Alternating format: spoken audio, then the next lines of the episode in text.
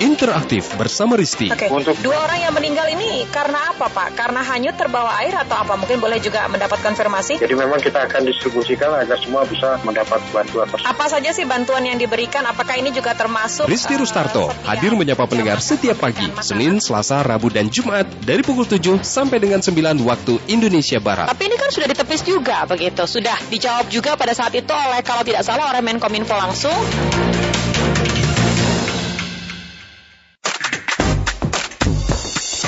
Anda masih mendengarkan Indonesia Menyapa Pagi. Hanya di Pro 3. Terkait dengan perkembangan yang ada pada negara tak lama setelah SARS-CoV-2 terdeteksi di Cina, para peneliti mulai menganalisis sampel virus dan mengumumkan kode genetiknya. Nah, berbicara mengenai hal tersebut, pendengar, apa itu mutasi dan varian virus SARS-CoV-2? Kami hadirkan untuk Anda dalam dialog layanan kesehatan. Dialog Layanan Kesehatan kerjasama Pro 3 RRI dengan Fakultas Kedokteran Universitas Indonesia. Berbicara mengenai hal ini, Pak Negara, saya sudah bersama dengan Departemen Patologi Klinik, ada Dr. Dewi Mulandari, SPPKK, MSC, untuk berbicara mengenai apa itu mutasi dan varian virus SARS-CoV-2. Dr. Dewi, selamat pagi, salam sehat. Selamat pagi, Mas. Selamat salam sehat juga. Ya, jadi pertanyaan begitu ya, Dokter Dewi, terkait dengan apa yang ada di saat ini, apa itu mutasi dan varian virus SARS-CoV-2, Dokter Dewi? Oke, ya. Baik, Me- kalau kita bicara mengenai mutasi, mengenai varian virus, kita lebih dulu harus mengenal apa sih sebenarnya itu gen, genetik, itu materi genetik, itu oh, apa gitu. Ya. Eh, apalagi orang awam ya, banyak juga dokter-dokter yang belum sepenuhnya paham mengenai hal ini. Jadi sebenarnya materi genetik itu adalah suatu kumpulan eh, pembawa sifat yang dipunyai oleh semua sel hidup. Kalau kita ibaratkan suatu restoran, maka misalnya restoran pizza, dia akan punya sekumpulan resep dan dengan dari resep-resep itu nanti akan dihasilkan makanan-makanan yang khas untuk restoran tersebut. Nah, begitu juga dengan sel hidup. Sel hidup kita punya sekumpulan gen yang mengkode pembentukan protein-protein yang akhirnya membentuk sifat dari si eh, sel hidup itu. Nah, dalam hal ini eh, virus SARS-CoV-2 ini Ya. itu juga punya sekumpulan gen yang dia mengkode pembentukan protein-proteinnya seperti protein S, protein eh, M, protein E dan lain sebagainya. Jadi protein-protein inilah yang menentukan sifat virus itu. Nah, kemudian eh, tetapi gen ini bisa berubah. Seperti kalau kita restoran misalnya kita mau buka cabang, mau buka franchise, maka resep kumpulan tadi harus dikopi. Nah, pada saat pengkopian resep ini bisa terjadi kesalahan. Ya, nah kesalahan ini berakibat pada nanti produk makanannya menjadi berbeda dengan yang original. Begitu juga dengan materi genetiknya virus. Bisa banyak hal yang menyebabkan materi genetik ini berubah. Misalnya pada saat virus membelah, memperbanyak diri, maka bisa terjadi kesalahan pengkopian materi genetik ini. Atau bisa juga sebagai eh, satu proses spontan yang terjadi perubahan pada virus. Nah, sebenarnya mutasi ini itu merupakan suatu proses evolusi normal dari virus. Jadi dia berusaha bertahan hidup bagaimana caranya untuk dia escape dari serangan sistem imunnya dari eh, si manusia yang terinfeksi atau efek dari obat atau efek dari ultraviolet dan lain sebagainya itu sebagai eh, upaya untuk eh, bertahannya maka dia merubah gennya gitu. Nah, eh, virus yang mengandung gen yang termutasi ini itulah yang disebut varian Oke. gitu. Gitu kira-kira. Ya, nah ini jadi tanda tanya juga nih. Ah, banyak yang bertanya di luar sana, ini kenapa sampai bisa terjadi mutasi dan apa itu mutasi begitu dokter? Iya, ya seperti tadi saya udah Aha. jelaskan. Jadi mutasi itu perubahan, dari eh, gennya. Jadi kalau restoran tadi berubah di Ya, resepnya, oke. gitu. Nah itu efeknya nanti si virus ini sifatnya bisa berubah, gitu. Nah apakah perubahannya ini berbahaya buat manusia atau eh, menguntungkan buat manusia? Nah itu bisa dua-duanya. Hal ini bisa terdeteksi begitu eh, dok terkait dengan bagaimana kita bisa mendeteksi eh, untuk eh, mutasi dan varian eh, virus SARS yang ada ini. Iya, bisa. Jadi kita bisa mendeteksi dengan pemeriksaan namanya sequencing. Jadi se- sequencing itu eh, kita baca urutan gennya itu satu persatu kita baca apakah ada yang berubah dari originalnya atau tidak. Sebenarnya virus SARS-CoV-2 ini sudah banyak sekali variannya, artinya mutasinya itu sudah banyak sekali. Mm-hmm. Karena sebenarnya e, normalnya kalau sel manusia pada saat sel manusia itu membelah memperbanyak diri, yeah. itu ada mekanisme proofreading namanya. Kalau salah pengkopian maka akan dibetulin dulu. Tetapi virus ini terlalu sedikit, jadi, eh, terlalu kecil maksud saya. Yeah. Jadi dia eh, makhluk hidup yang cuma satu sel, bahkan satu sel aja nggak komplit sebenarnya virus itu. Jadi dia tidak punya mekanisme proofreading ini. Jadi karena itu mutasinya itu banyak sekali gitu. Jadi eh, apa namanya? Yang ada sekarang itu mutasinya banyak sekali. Nah, apakah itu bikin kita ber, apa namanya berbahaya buat kita atau sebaliknya? Sebenarnya dua-duanya bisa terjadi kalau diibaratkan restoran, ya.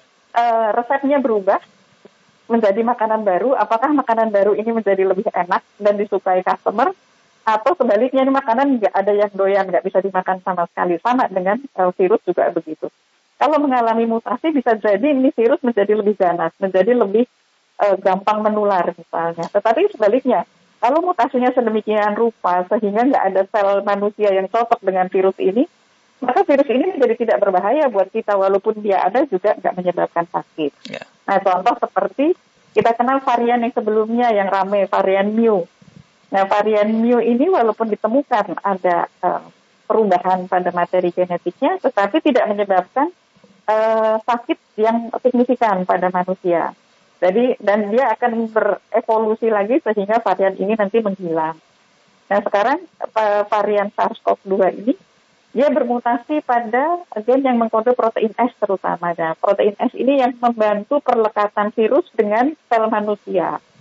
Nah, karena perlekatannya di situ, maka oh, Omikron ini dia menjadi lebih mudah hmm. tertular. Kenapa? Karena ikatannya si protein S dengan uh, sel manusia menjadi lebih efisien, lebih kuat dibandingkan yang varian sebelumnya. Ya, mudah tertular ini dalam artian mereka yang uh, lansia memiliki komorbid, begitu, dok? Uh, sebenarnya tidak tergantung dari usia atau komorbid dari si manusia yang tertular itu. Jadi ini lebih tertular. Tetapi hmm. Apakah tertular itu menyebabkan sakit? Nah itu beda lagi urusannya. Okay. Jadi itu baru lihat uh, baru melihat pada kondisi si pasien yang tertular. Jadi kalau dilihat dari materi genetiknya, nih virus lebih gampang nempel nih ke macam-macam sel. Tetapi apakah penempelan itu nanti dilanjutkan menjadi uh, sakit atau tidak, nah itu uh, tergantung dari pasiennya, gitu, okay. tergantung dari manusia. Apa yang harus dilakukan ketika terinfeksi uh, terkait dengan hal tersebut, begitu? Apa yang harus dilakukan? Ya sama seperti yang lain. Kalau yeah. kita sebenarnya kita kemarin vaksinasi ya, mm -hmm. kita dengan uh, apa namanya vaksinasi yang cukup luas itu sebenarnya uh, bisa mencegah walaupun tidak 100% bisa mencegah tertularnya virus Omikron ini. Kemudian yang kedua juga eh, apa namanya kita tetap pencegahan dengan 6M itu masih tetap harus sangat di apa namanya disiplin kita kerjakan gitu karena uh, kita nggak tahu apakah vaksin yang kita uh, apa namanya yang vaksin yang kita terima itu benar-benar dia 100% uh, nggak ada vaksin yang 100% apakah cukup protektif buat kita atau tidak. Nah, itu yang harus uh, kita jaga. Lebih baik kita hmm. menghindari berkontak dengan virus ini. Oke. Okay. Gitu. Uh, dok, terkait dengan SARS-CoV-2 varian baru ini apakah sudah ditemukan di Indonesia begitu? Uh, di Indonesia sudah ya, sudah beberapa ini sudah ditemukan, uh, tetapi ya sejauh ini tidak ada yang atau belum ada mudah-mudahan nggak ada ya yeah. yang gejalanya cukup berat gitu tetapi ya relatif lebih ringan dibandingkan yang varian delta yang sebelumnya mm -hmm. sehingga uh, perawatannya belum membutuhkan perawatan-perawatan yang uh, intensif. Mm -hmm. Nah, eh, terkait dengan hal tersebut, apakah dengan pemeriksaan PCR yang dilakukan saat ini juga bisa mendeteksi SARS-CoV varian baru itu?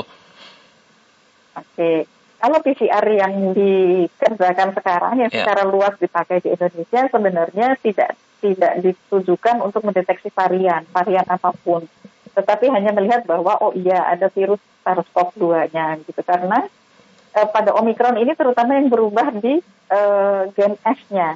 Gen S ini bukan menjadi target deteksi dari eh, reagen-reagen PCR. Mm -hmm. Jadi bisa dideteksi bahwa oh terinfeksi oleh virus SARS-CoV-2 Tetapi apakah ini varian Omikron atau varian Delta atau varian apa kita tidak bisa memastikan dengan PCR yang ada. Oke. Jadi harus dilanjutkan dengan pemeriksaan sequencing tadi, di mana kita baca tuh urutan gennya. Iya dok, kita buka uh, untuk pendengar kita ya yang bisa bergabung dengan kita di sini terkait dengan topik yang kita bahas di sini dan pendengar Anda bisa bergabung dengan kami di 021 352 3172 021 384 4545 021 386 6712. Apa itu mutasi dan varian virus SARS-CoV dua begitu. Ada penelpon kita, Dok, dari Boyolali, Paudin. Paudin, selamat pagi, salam sehat. Selamat pagi, Assalamualaikum warahmatullahi wabarakatuh. Waalaikumsalam warahmatullahi wabarakatuh, Paudin. Pak Jo, Ibu Dokter Dewi, Departemen Psikologi, ya. Uh, kan virus COVID-19 itu virus baru, tapi uh, bisa menyebar dengan cepat ya. Apakah virus yang lain juga sama kayak gitu, Bu? Seperti virus burung dulunya juga apakah kayak gitu? Demikian terima kasih. Wassalamualaikum warahmatullahi wabarakatuh. Waalaikumsalam warahmatullahi wabarakatuh. Ini menyebar cepat bisa demikiankah? Karena kan juga sama dengan uh, flu burung begitu. Iya, Dokter. Uh, betul. Terima kasih Pak Udin. Uh, selamat pagi juga, salam untuk Boyolali. Jadi memang uh, yang rame booming menjadi kita semua aware adalah virus SARS-CoV-2 ya. Tetapi sebenarnya mutasi ini juga terjadi pada semua virus. Hmm. Pada semua virus, termasuk flu burung, termasuk yang flu biasa kita alami, uh, influenza itu, itu juga banyak sekali mutasinya. Jadi misalnya saya kena flu nih, kemudian Mas Jo tertular dari saya. Bisa jadi virus yang di Mas Jo itu sudah berbeda dengan virus yang uh, ada di saya. Jadi sehingga saya bisa tertular kembali itu yang uh, disebabkan karena virus itu bermutasi. Okay. Hampir semua virus atau ya sebagian besar virus lah itu bermutasinya dengan cepat. Tapi tadi flu burung kenapa terus menghilang? Nah itu itu tadi yang saya sebutkan. Mutasi itu membuat si virus ini kehilangan uh, kemampuannya untuk menginfeksi sel manusia. Bisa jadi seperti itu. Jadi dia hanya bisa menginfeksi sel-sel burung tetapi tidak bisa dengan manusia misalnya. Jadi hal-hal seperti itu bisa terjadi karena variasi ini bisa terjadinya sangat random, hmm. bisa terjadinya uh, apa namanya dalam jumlah yang cukup banyak gitu. Jadi semua virus sebenarnya bermutasi. Hmm. Oke, okay. dan ketika uh, semua virus membutuhkan mutasi ini bagaimana uh, dampak keparahannya terhadap penyakit begitu ketika terpapar juga dengan virus tersebut begitu dok? Iya, tergantung dari mutasinya. Kadang-kadang hmm. uh, virus ini mutasi di virusnya itu tidak terjadi di satu tempat, tetapi di banyak tempat sekaligus. Mhm. Ada hal, uh, ada bagian yang berperan pada perlekatan dengan selnya manusia. Ada uh, bagian lain yang dia berperan untuk misalnya dia mengganggu sistem dari sel manusia. Jadi gangguan yang disebabkan inilah yang menyebabkan sakit sebenarnya. Jadi kalau cuma sekedar nempel tapi dia nggak mengganggu apa-apa ya, oke okay, gitu nggak masalah. Nah, tingkat keparahannya itu tergantung dari mutasi di tempat yang lainnya. Jadi uh, bisa jadi itu terjadi berbarengan, bisa jadi itu uh, terjadi sekaligus di beberapa tempat gitu. Dan omikron ini juga sebenarnya terjadi mutasi di banyak tempat, tetapi kelihatannya tidak terlalu uh, bermutasi di tempat yang menyebabkan uh, keparahan penyakit tadi. Ya, nah uh, berbicara mengenai hal tersebut begitu, ini kita kan sudah sampai di tahap yang ketiga uh, vaksinasi tahap 1, 2, dan 3 begitu. Nah kalau dari mutasi virus corona terhadap pengembangan uh, vaksin sendiri, dampak mutasi begitu ya? Iya, uh, betul. Jadi memang ada resiko bahwa virus yang bermutasi sedemikian uh -huh. rupa menjadi tidak dapat dikenali oleh antibodi yang dibuat uh, melalui vaksinasi misalnya. Nah itu terjadi kalau anti uh, vaksinnya proteinnya begitu spesifik misalnya proteinnya sangat uh, kecil atau bagian porsi yang sangat spesifik untuk si virus SARS-CoV-2 ini. Mm-hmm. Vaksin yang ada kan dibuat dari virus yang ada sebelumnya, ya. Yeah. Nah dalam hal ini dalam menghadapi uh, varian virus ini sebenarnya vaksin-vaksin yang berbasis uh, seluruh partikel virus yang dilemahkan itu yang lebih menguntungkan karena hmm. itu uh, seluruh bagian dari virus akan dikenali oleh badan kita dan badan kita akan uh, membuat antibodi terhadap seluruh komponen virus. Baik. Tetapi kalau vaksin-vaksin rekombinan yang terhadap protein yang sangat spesifik, nah itu berpeluang bisa jadi virusnya bisa escape dari uh, vaksin. Oke, Bu Dokter Dewi, kita punya penelpon nih. Ada Pak Nur Hadi dari Bekasi. Pak Nur Hadi, selamat pagi, selamat salam pagi, sehat. Bung Jo, ya. Dokter Dewi, selamat pagi, salam sehat selalu buat kita semua. Ya, ya, uh, Dokter, uh, ada beberapa poin. Yang pertama mengenai uh, masih belum dapat nih update-nya dokter mengenai uh, untuk satu WGS itu uh, agar efisien waktu dan biayanya itu walaupun itu yang melakukan 3T ya artinya regulator begitu itu mesti berapa sampel? Itu yang pertama. Yang keduanya mengenai uh, dimungkinkan nggak dokter uh, vaksin kita dari dunia itu uh, membelokkan proses mutasi dari copy pastenya tadi membuyarkan sehingga uh, inangnya ini uh, dia nempel di mana pun dia belok sendiri akhirnya dia punah dengan sendirinya. Pertanyaannya kok belum dibuat diciptakan ya? Pertanyaan terakhir ketiga adalah uh, bicara varian of concern uh, apakah memang standar WHO-nya hanya lima atau diambil yang dari uh, terbesar terbanyak di dunia? Uh, dan kenapa mesti mereka ciptakan juga uh, varian of interest gitu dokter itu saja, terima kasih. Selamat siang. Selamat siang, terima kasih Pak Nur Hadi dari Bekasi. Eh, dokter.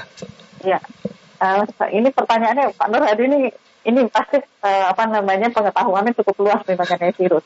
Saya jawab dulu yang terakhir mengenai varian of interest dan varian of concern.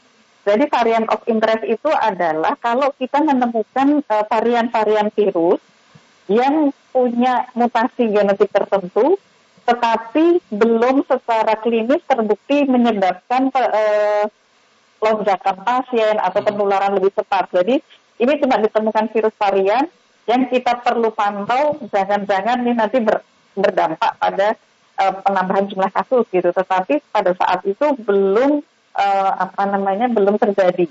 Karena itu menjadi varian of interest, varian yang dipantau saja.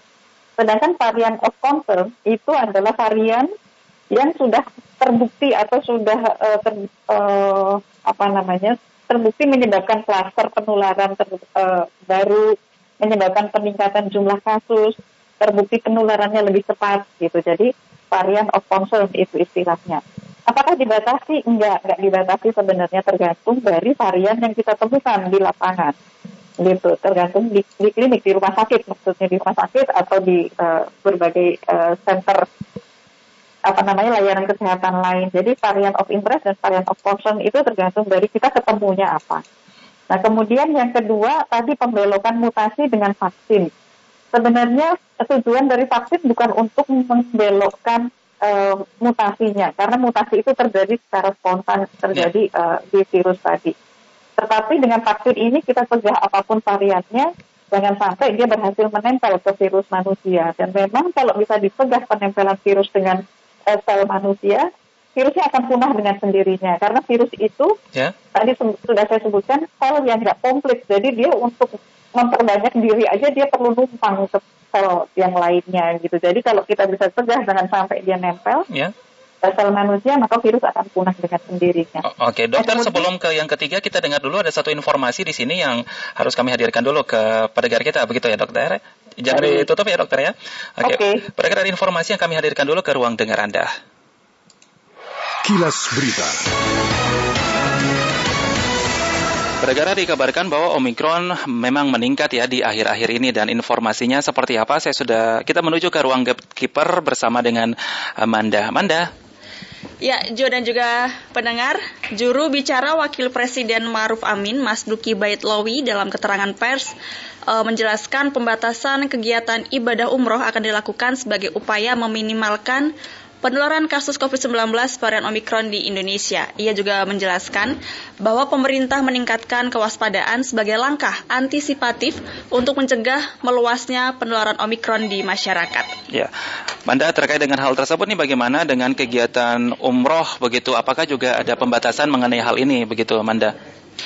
Ya, uh, Jo, dalam uh, pemberangkatan umroh ini Presiden dan Wapres uh, memberikan arahan agar diperketat orang ke Jakarta dan uh, belum ada kewajiban memperketat itu uh, salah satunya dengan vaksinasi.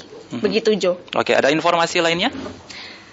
uh, sekitar 1.731 orang ini telah berangkat umroh sejak Sabtu kemarin melalui asrama haji embarkasi Pondok Gede Jakarta dan jemaah umroh yang berangkat pada tanggal tersebut dijadwalkan kembali tiba di Jakarta pada Senin hari ini. Baik, terima kasih Manda untuk informasinya dan pendengar itulah informasi terkait dengan Omikron yang meningkat. Wapres sebut ada pembatasan di sana. Kilas Berita. Kita lanjutkan lagi pada Garo untuk pembahasan di saat ini masih bersama dengan Dr. Dewi. Dr. Dewi. Ya. Ya, bisa dilanjutkan dok tadi terkait dengan pertanyaan dari uh, Pak Nur Hadi begitu ya di Bekasi. Ya, uh, pertanyaan yang belum saya jawab tadi mengenai WGS atau whole genome sequencing. Tadi pertanyaannya berapa berapa berapa sampel ya kalau nggak salah tadi ya. pemeriksaannya. Yeah. Mm -hmm. Uh, sebenarnya jumlah sampelnya itu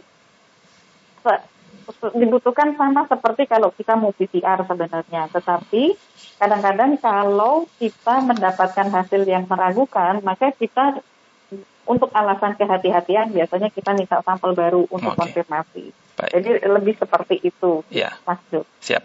Dokter Dewi, ada penelpon kita nanti dari Manado, Pak Tohar. Pak Tohar, selamat pagi, salam sehat Pak Tohar terputus. Dan Anda juga bisa bergabung dengan kami pendengar di 0213523172, 0213844545, 0213866712 terkait dengan yang kami hadirkan untuk Anda di saat ini. Nah, dok terkait dengan hal tersebut gitu ya, varian virus SARS-CoV-2 dan pastinya juga membutuhkan pendeteksian begitu terkait dengan hal ini hingga kita tidak bisa terpapar atau juga seperti yang dokter katakan virus yang dari saya saya tularkan lagi ke dokter uh, berbeda begitu dia seperti sambung menyambung begitu dokter. Iya betul. Tetapi sebenarnya gini ya. Mm -hmm. Ap, uh, varian apa pun yang ada itu sebenarnya lebih untuk urusan uh, epidemiologi atau surveillance sebenarnya. Oke. Okay. Uh, apakah omikron, apakah delta dan lain sebagainya secara klinis, secara untuk kepentingan pasiennya sendiri atau rumah sakit, sebenarnya apa jenis variannya tidak terlalu penting, tidak membedakan uh, penanganan pasien. Mm -hmm. Artinya begitu pasien uh, tertular SARS-CoV-2, maka uh, apa namanya protokolnya sama apa pun variannya gitu. Jadi semua uh, kehati-hatian. Jadi sebenarnya deteksi varian itu lebih untuk kepentingan uh, epidemiologi okay. dan surveillance saja. Nah, kalau pesan kepada pendengar kita, pendengar RRI seluruh uh, Indonesia begitu hingga kita bisa mengetahui terkait dengan hal ini dan kita juga bisa mengawas diri lah terkait dengan virus SARS-CoV-2 ini, dokter. Ya, kalau untuk uh, semua orang termasuk saya sendiri ya, hmm. uh, kehati-hatian itu menjadi uh, yang nomor satu. Jadi kita harus waspada. Apa pun variannya, kita nggak usah uh, apa namanya nggak usah takut sebenarnya ya nggak usah uh, terlalu panik. Tetapi yang penting kita disiplin. Rajin-rajin cuci tangan. Walaupun uh, kita sudah mulai jenuh pakai masker tetapi tetap kita harus rajin pakai masker. Jangan ngumpul-ngumpul jangan dulu hang out makan di di tempat-tempat yang ramai gitu. Menghindari kerumunan kadang-kadang kita juga suka lalai kalau ah di kantor nih yeah. makan di pantry kita sendiri terus ngumpul beberapa teman semua semua buka masker gitu dan kita nggak tahu keluar dari kantor mereka ke mana kita nggak okay. tahu jadi tetap kehati-hatian itu harus selalu dijaga harus selalu disiplin itu bukan hanya untuk diri kita tetapi Baik. juga untuk keluarga kita dan untuk orang-orang sekitar kita mungkin message-nya itu yang harus selalu kita uh, ini kan okay. tadi sudah pembatasan Siap. umroh hmm oke okay lah. Kalaupun kita terpaksa harus pergi, maka harus sering-sering cuci tangan, okay. harus tetap disiplin pakai masker dan lain. Itu yang wajib kita lakukan begitu ya sebagai. Iya betul. Membuat diri kita aman adanya. Baik dokter, terima kasih sudah bersama dengan kita di saat ini. Salam sehat dokter. Salam sehat, terima kasih Mas Zul. Oke, pada kira demikian sajian kami untuk Anda. Departemen Patologi Klinik Dr. Dewi Wulandari. Kita berbicara mengenai apa itu mutasi dan varian virus SARS-CoV-2. Demikian dialog layanan kesehatan kerjasama Pro 3 RRI dengan Fakultas Kedokteran Universitas Indonesia. Acara ini bisa Anda dengarkan setiap Senin sampai dengan Jumat pukul 9.30 waktu Indonesia Barat.